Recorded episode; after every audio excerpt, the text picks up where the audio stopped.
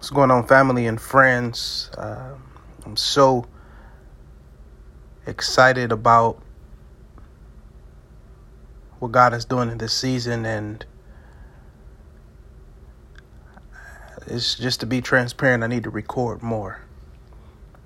So I want to kind of record some previous uh, some sermons that I've done in the past and allow my platform to build up in that in that way. There's a particular passage in the Bible found in Galatians chapter 6. Chapter 6, verses 1, 2, and that's where we're going to stop. Brothers, if anyone is caught in any transgression, you who are spiritual should restore him in a spirit of gentleness. Keep watch on yourself, lest you too be tempted. Bear one another's burdens, and so fulfill the law of Christ. The title of this sermon is A Spirit for the Broken Believer. Let me take you back in time. The date is April 24th, 2003. 20,000 fans are in attendance. Millions of people are watching around the world. It is game three. Portland Trailblazers are playing the Dallas Mavericks. At the start of a game, 13 year old Natalie Gilbert walks into the arena and onto the biggest stage of her life to sing the national anthem. As Natalie is singing with millions of eyes watching her, she forgets the words to the national anthem. Biggest stage of her life, she can't get it together. Natalie looks around and no one shows up.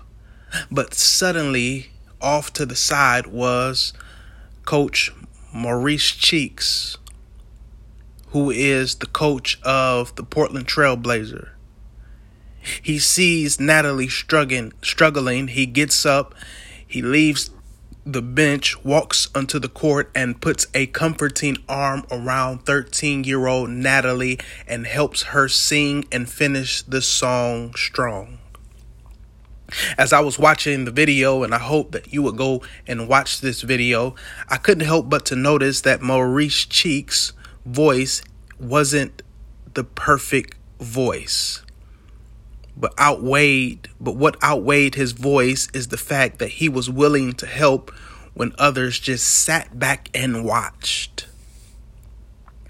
To all of you listening, to all of my viewers, all of my, my, my, family and friends tuned in, I believe all of us should take a moment to thank God for those people in our lives that are something or similar to Maurice Cheeks.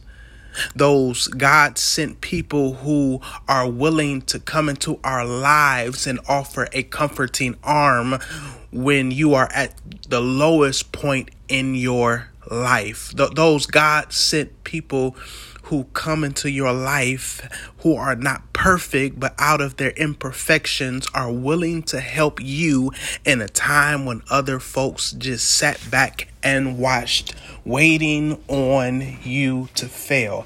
I believe that there's somebody who can resonate with that statement that there are some people who come into our lives not to hurt us, but to help us.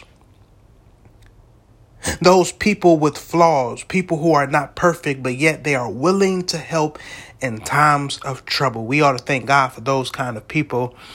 To all of my, my, my people, can I be honest? In recent seasons of my life, the Apostle Paul has become my best friend. Paul's letter to the church of Galatia helps us to see how the church should respond to shattered people, fragmented and damaged believers. Let, let me let me let me say that again. That Paul is helping the church the place where believers gather, the place where people come together and serve God and others. Paul teaches us in the letter of Galatia how the church should respond to broken people, people who have been shattered, fragmented, and damaged.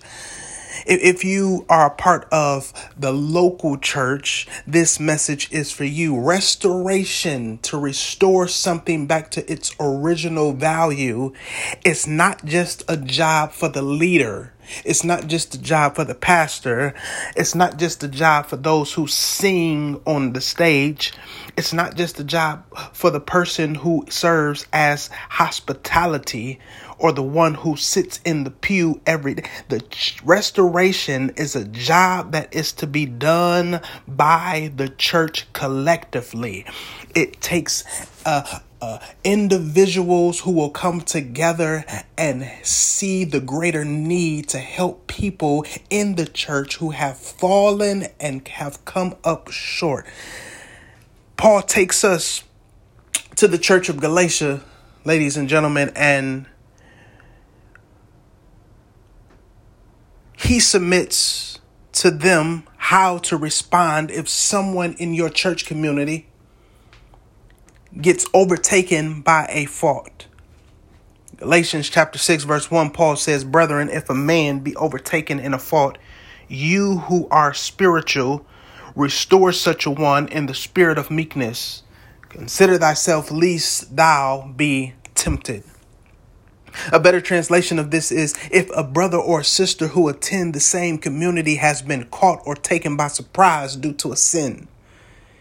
I need you to catch what Paul is saying in this as we are uh, walking through this this this text. This brother or sister that Paul is referring to, the brother or sister who has been caught or taken by surprise, is someone who was once a part of the church community which means this person is uh, quite different. This person knows the truth of the gospel. This person knows Jesus. They, at some point, sin has caused them to wander off the path and they have now fallen astray. This person that Paul is referring to is someone who was a part of the, the, the collective body of the church, someone who was a part of the fellowship, but they have gotten caught off surprise by sin, and this sin has caused them to wander off the path. The overtaken, they know the gospel. They know Jesus. They know the power of being a part of the church, but sin caused them to wander off the path they once knew. Ladies and gentlemen, can I tell you, if sin can get a hold of someone in the church community and cause them to walk away from the faith, then you and I must be cautioned and warned and keep our guards up because if sin could get to somebody in the faith, then you have the propensity or the tendency to fall into sin yourself. Listen, you're not sin proof. I know you have have a relationship with God. I know you have a community of believers who cover and surround you. I know you read your Bible or you're walking in faith. I know you worship God and you fast and you pray. You keep your devotion but there is a sin that can cause all of us who can wander away. I, I would not have you to be naive. I would not have you to think that there is not something that can attack us because the enemy is always roaring like an animal or a lion trying to devour whom he can get his arms around. Listen, you can be holy, saved, and sanctified. You can think that you're perfect but at any given moment, you can fall short. And for the law, uh, for the one who may be out there, I want to tell you that there is a temptation that seeks to keep you from building a relationship with Jesus. There are temptations that that that that that that, that are in the world that you, that that want to keep you from building a relationship. They want to keep you from being lost, keep you lost, and they want to keep you uh, from knowing the true value and the true revelation and relationship you can have with the Savior Jesus Christ.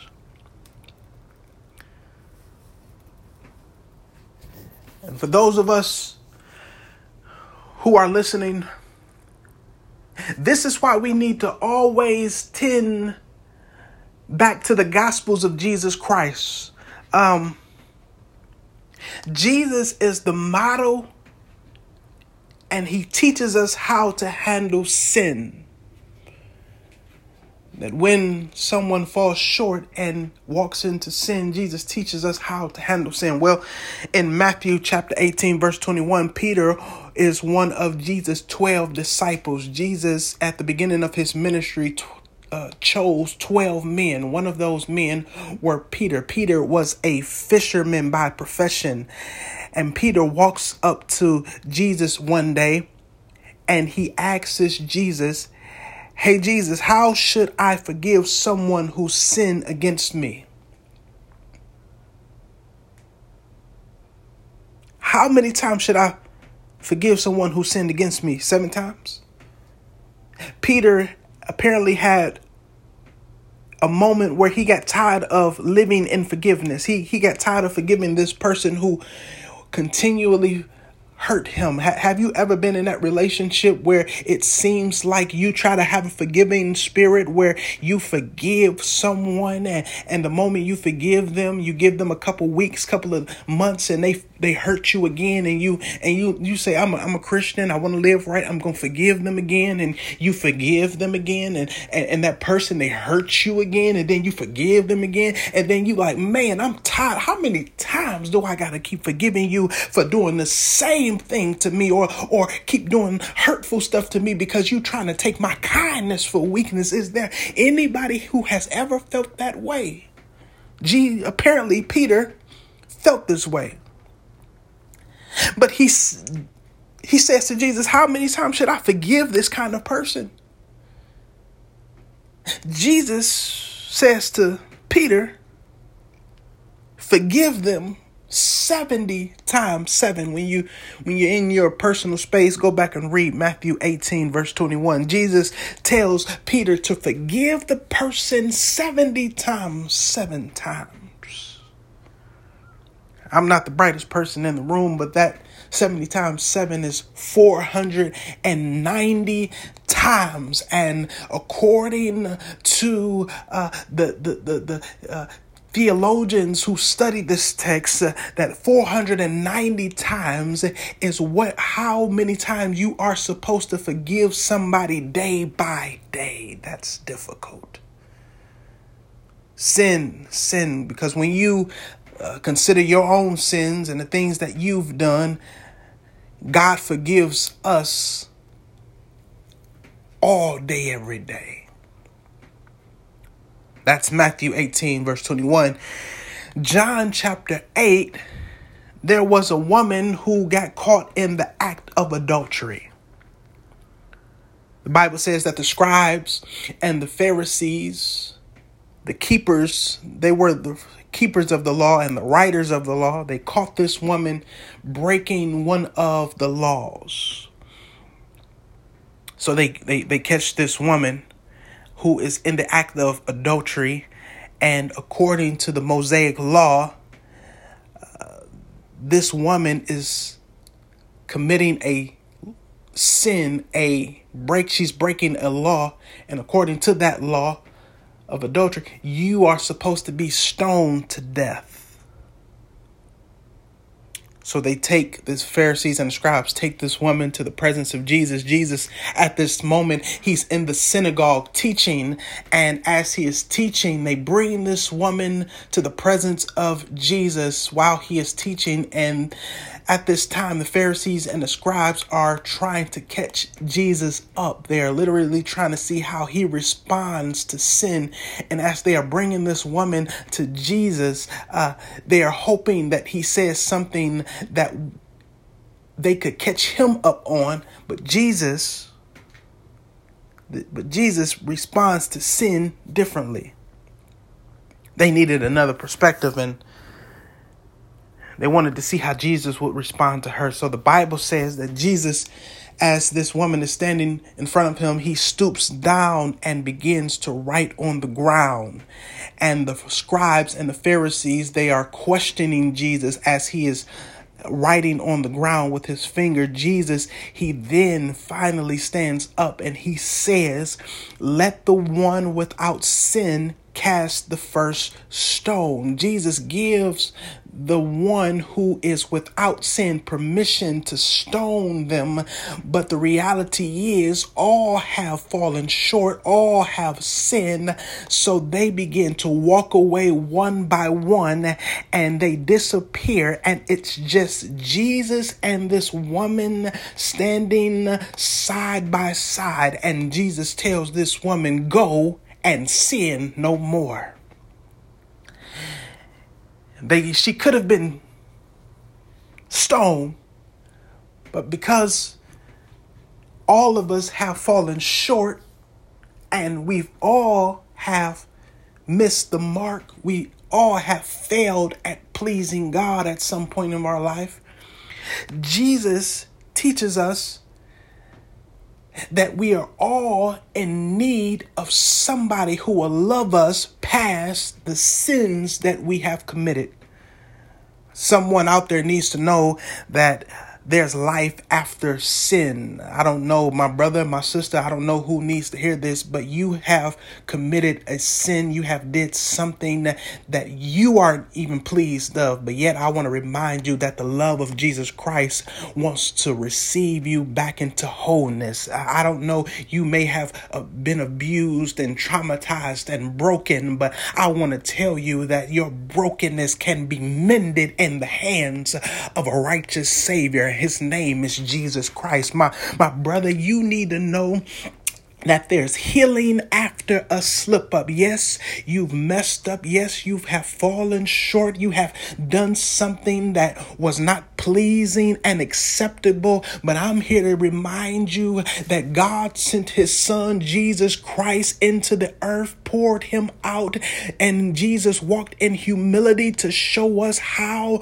to receive and treat others. That when the uh, when we sin, that there is not not a sin that can separate us from Him, that He cannot redeem us from and save us back to my sister.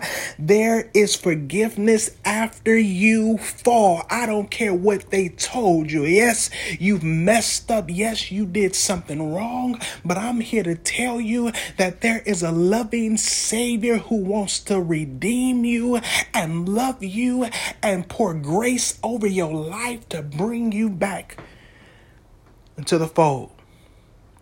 I got to get to my text. I got to get to my text. I just wanted to show you that uh, we oftentimes have to uh, look at Jesus, who is the perfect model, to re- show us how to handle people who have sinned, uh, sinned or fallen short to sin.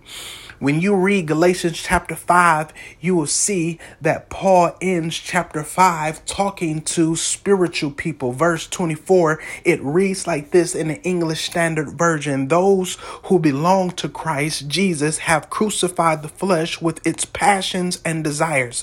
Paul then says, Since we live by the Spirit, let us keep in step with the Spirit.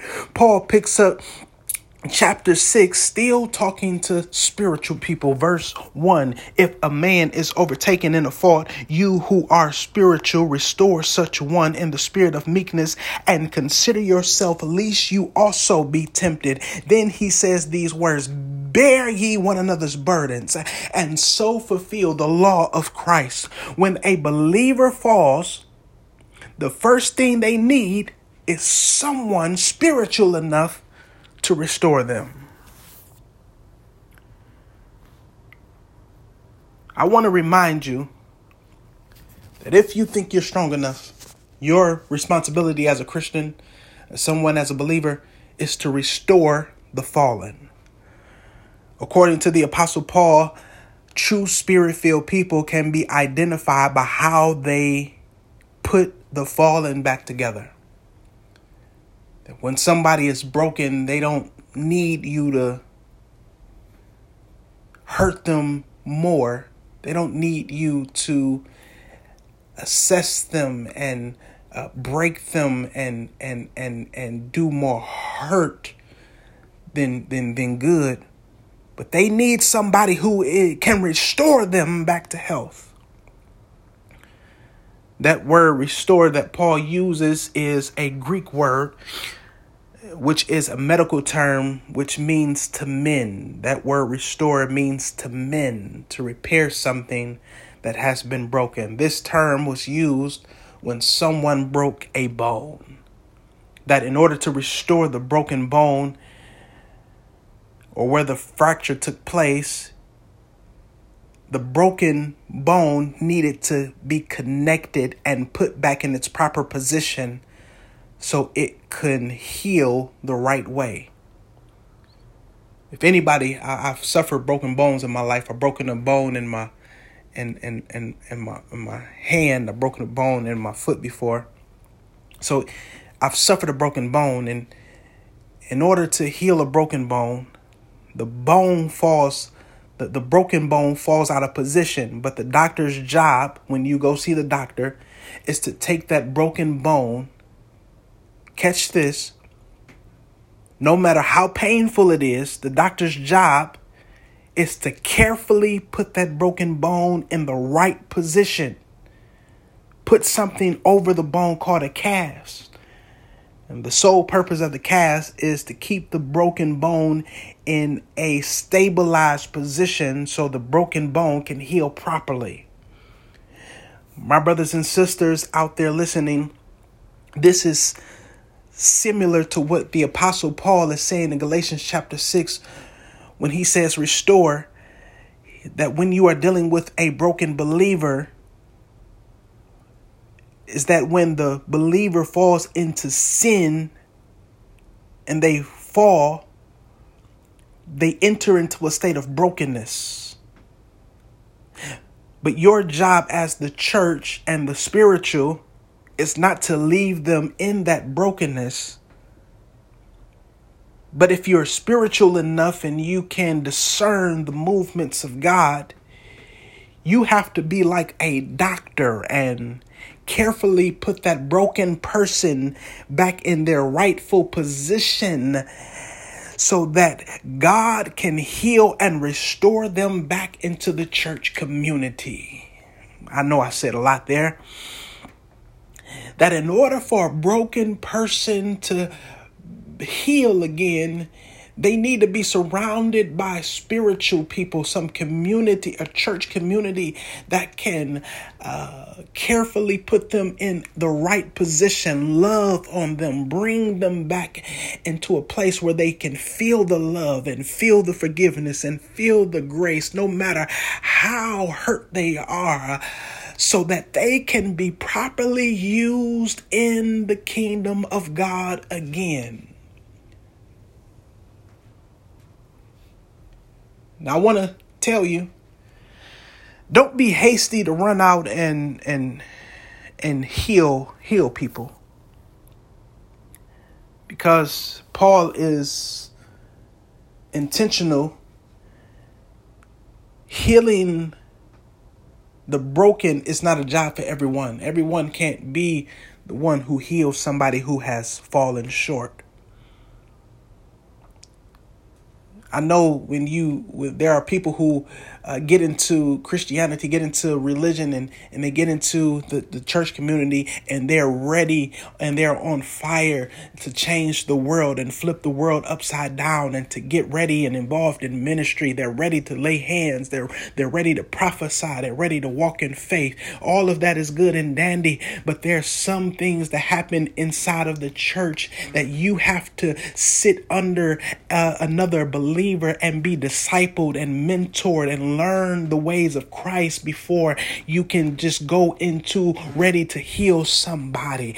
Uh, I, I know you've been to church five weeks in a row and you're ready to, to do, and you're ready and you feel empowered to handle sin and lay hands on people.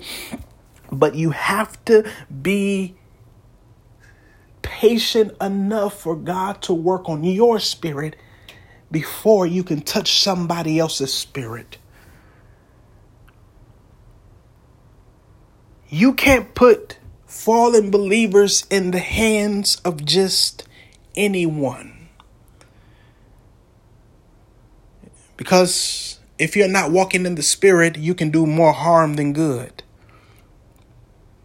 You could misdiagnose the fallen believer and cause more harm because this this person who has fallen short is a believer. They already know jesus. They were once a part of the faith community but a sin distracted them to to the point where they wandered away from the faith so you have to handle a person who already has a relationship with God different than someone who may not have that relationship with God. Because as I told you earlier, the one who knows God, the broken believer, the fallen believer, they already know God. They just had a bad moment. So they know how to pray. They know how to sing. They worship. They preach. They teach. They serve. They give. They, they went to Bible study. They know the word of God. They just had a bad moment which left them fallen, shattered, and broken.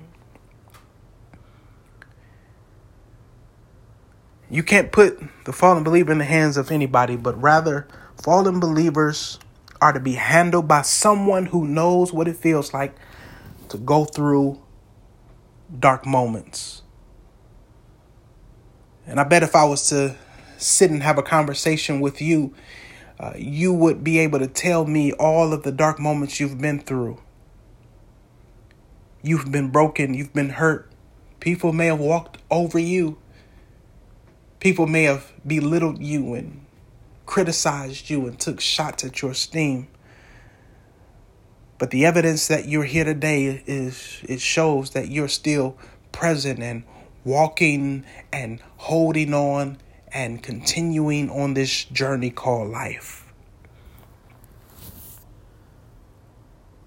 You're still here, and I want to encourage you. I want to pause and encourage you that that, that, that, that you, you need to encourage yourself that you have overcome 100% of the battles you've been through. You you came out victorious and you're still here. Yes, you feel defeated at moments, but you're still here. Yes, you feel like you want to quit, throw in the towel, but you're still here. Maybe you have thoughts of suicide. I want to encourage you and let you know you are still here. So keep encouraging yourself and do like this. Put one foot in front of the others and continue to press your way. It does not matter how bad you feel, just keep getting up and pressing your way because with God, things can turn around in the matter of a moment. In order to handle a fallen believer, you must have been through life. There's an illustration told by one of my favorite scholars, scholars William William Barclay. He shares this story of English music composer Sir Edward Elgar. The story is told that one day Elgar was listening to a young girl sing a solo from one of his songs that he wrote. And while he was listening, he mentions that the girl's voice was outstanding. The girl's voice was pure, full of clarity. Her range was impeccable. This girl almost delivered the song with the perfect technique. When the girl was done singing, Sir Edward looked over to someone and said, This girl is really, really good. But she'll be really great when she goes through something that breaks her heart. At first glance, that statement sounds harsh. But what he's saying is that there's something about tragedy and brokenness and and and hurt that we go through during the course of our human experience that can potentially help us to help other people when they are in the midst of going through their dark moments. I think essentially this is what Paul is speaking of when he said, Let the spiritual people restore. That there's something about life, that what life takes us through and how we overcome and learn from those lessons that equip us to handle the brokenness and the hurt of other people. It's hard for somebody who has not been through what you've gone through to help you and assist you and counsel you uh, if they haven't been through. I'm not saying that you can't receive counsel for somebody who did not go through the the trauma that you've been through, the the the the hurt that you've been through. But what I am saying, something uh, spiritually, something uh, great happens when somebody has been who has been through who knows what it feels like um, to have a dark moment, a bad day, a really, really bad day, a really, really bad day. It's something about that kind of person that can help you through a dark moment, man. Listen, I've been uh, preaching for over 10 years now that I remember when I was preaching early on in my ministry. Um, I used to preach sermons that I thought I was equipped for, and I used to get up in the pulpit and I used to preach those sermons, and and they were and they were talking about people's marriage, healing marriages, and people who was on addictions, and people who dealt with so much. And I would leave the pulpit, and the older people walk up to me and say, "Baby, you preach good, but keep on preaching." At that time, I really didn't understand uh, what the older saints were was telling me, but what I found out that they were pretty much telling me to keep on preaching is to keep living life. That as you continue to preach and live life, some of the stuff that you're preaching uh, about in your uh, in your younger stages, you will begin to live those things out in your life, or you will in go down a path where you see people live out that brokenness in their lives. And therefore, as you see it and experience what others are going through, you will then get insight from the Holy Spirit by God to help assist people go to go through what they've been through. And I'm appreciative of those moments because as I continue to preach and live and and grow into who God is calling me to be, I've seen brokenness. I've seen people have a bad moment and I could be judged mental. But when I take inventory of my life and the things that I've been through, God loved me and had grace on me and he pulled me out of my low moments and my broken moments. So you can't be judgmental. You have to go back with love and grace towards the broken person and wrap your arms around them no matter if they did something. And that's all I really want to essentially tell you all is that we've all been through, but there's a grace, there's a love, there's a word that receives us in spite of our darkest moments. Somebody may be on this call, on this podcast, and they you came into an unexpected word. I want to pray for you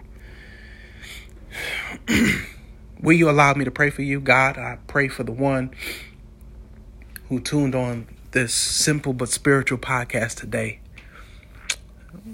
God, thank you for this moment on the 12th day of February that we can receive your word, that we can be reminded that we're all prone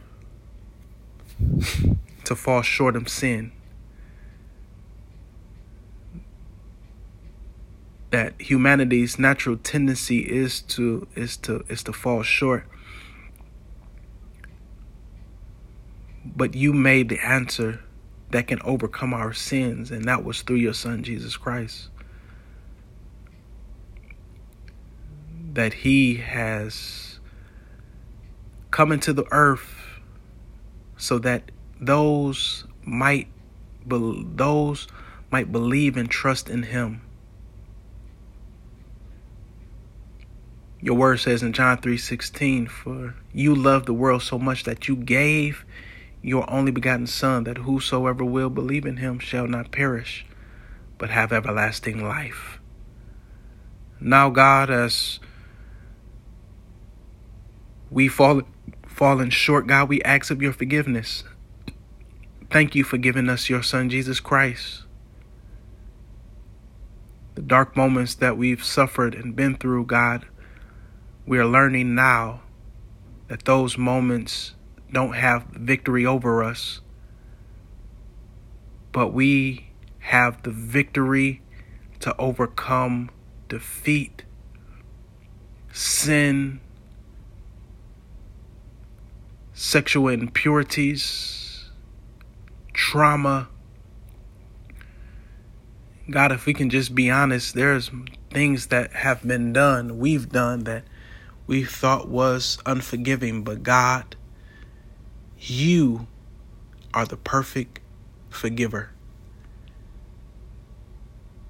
Someone was abused and they've been hurting and suffering several years. God, show them that your word can mend them and heal their trauma there's someone who has committed a, a, sin that they believe is a sin that cannot be forgiven, God, please reveal to them that you are a forgiving God.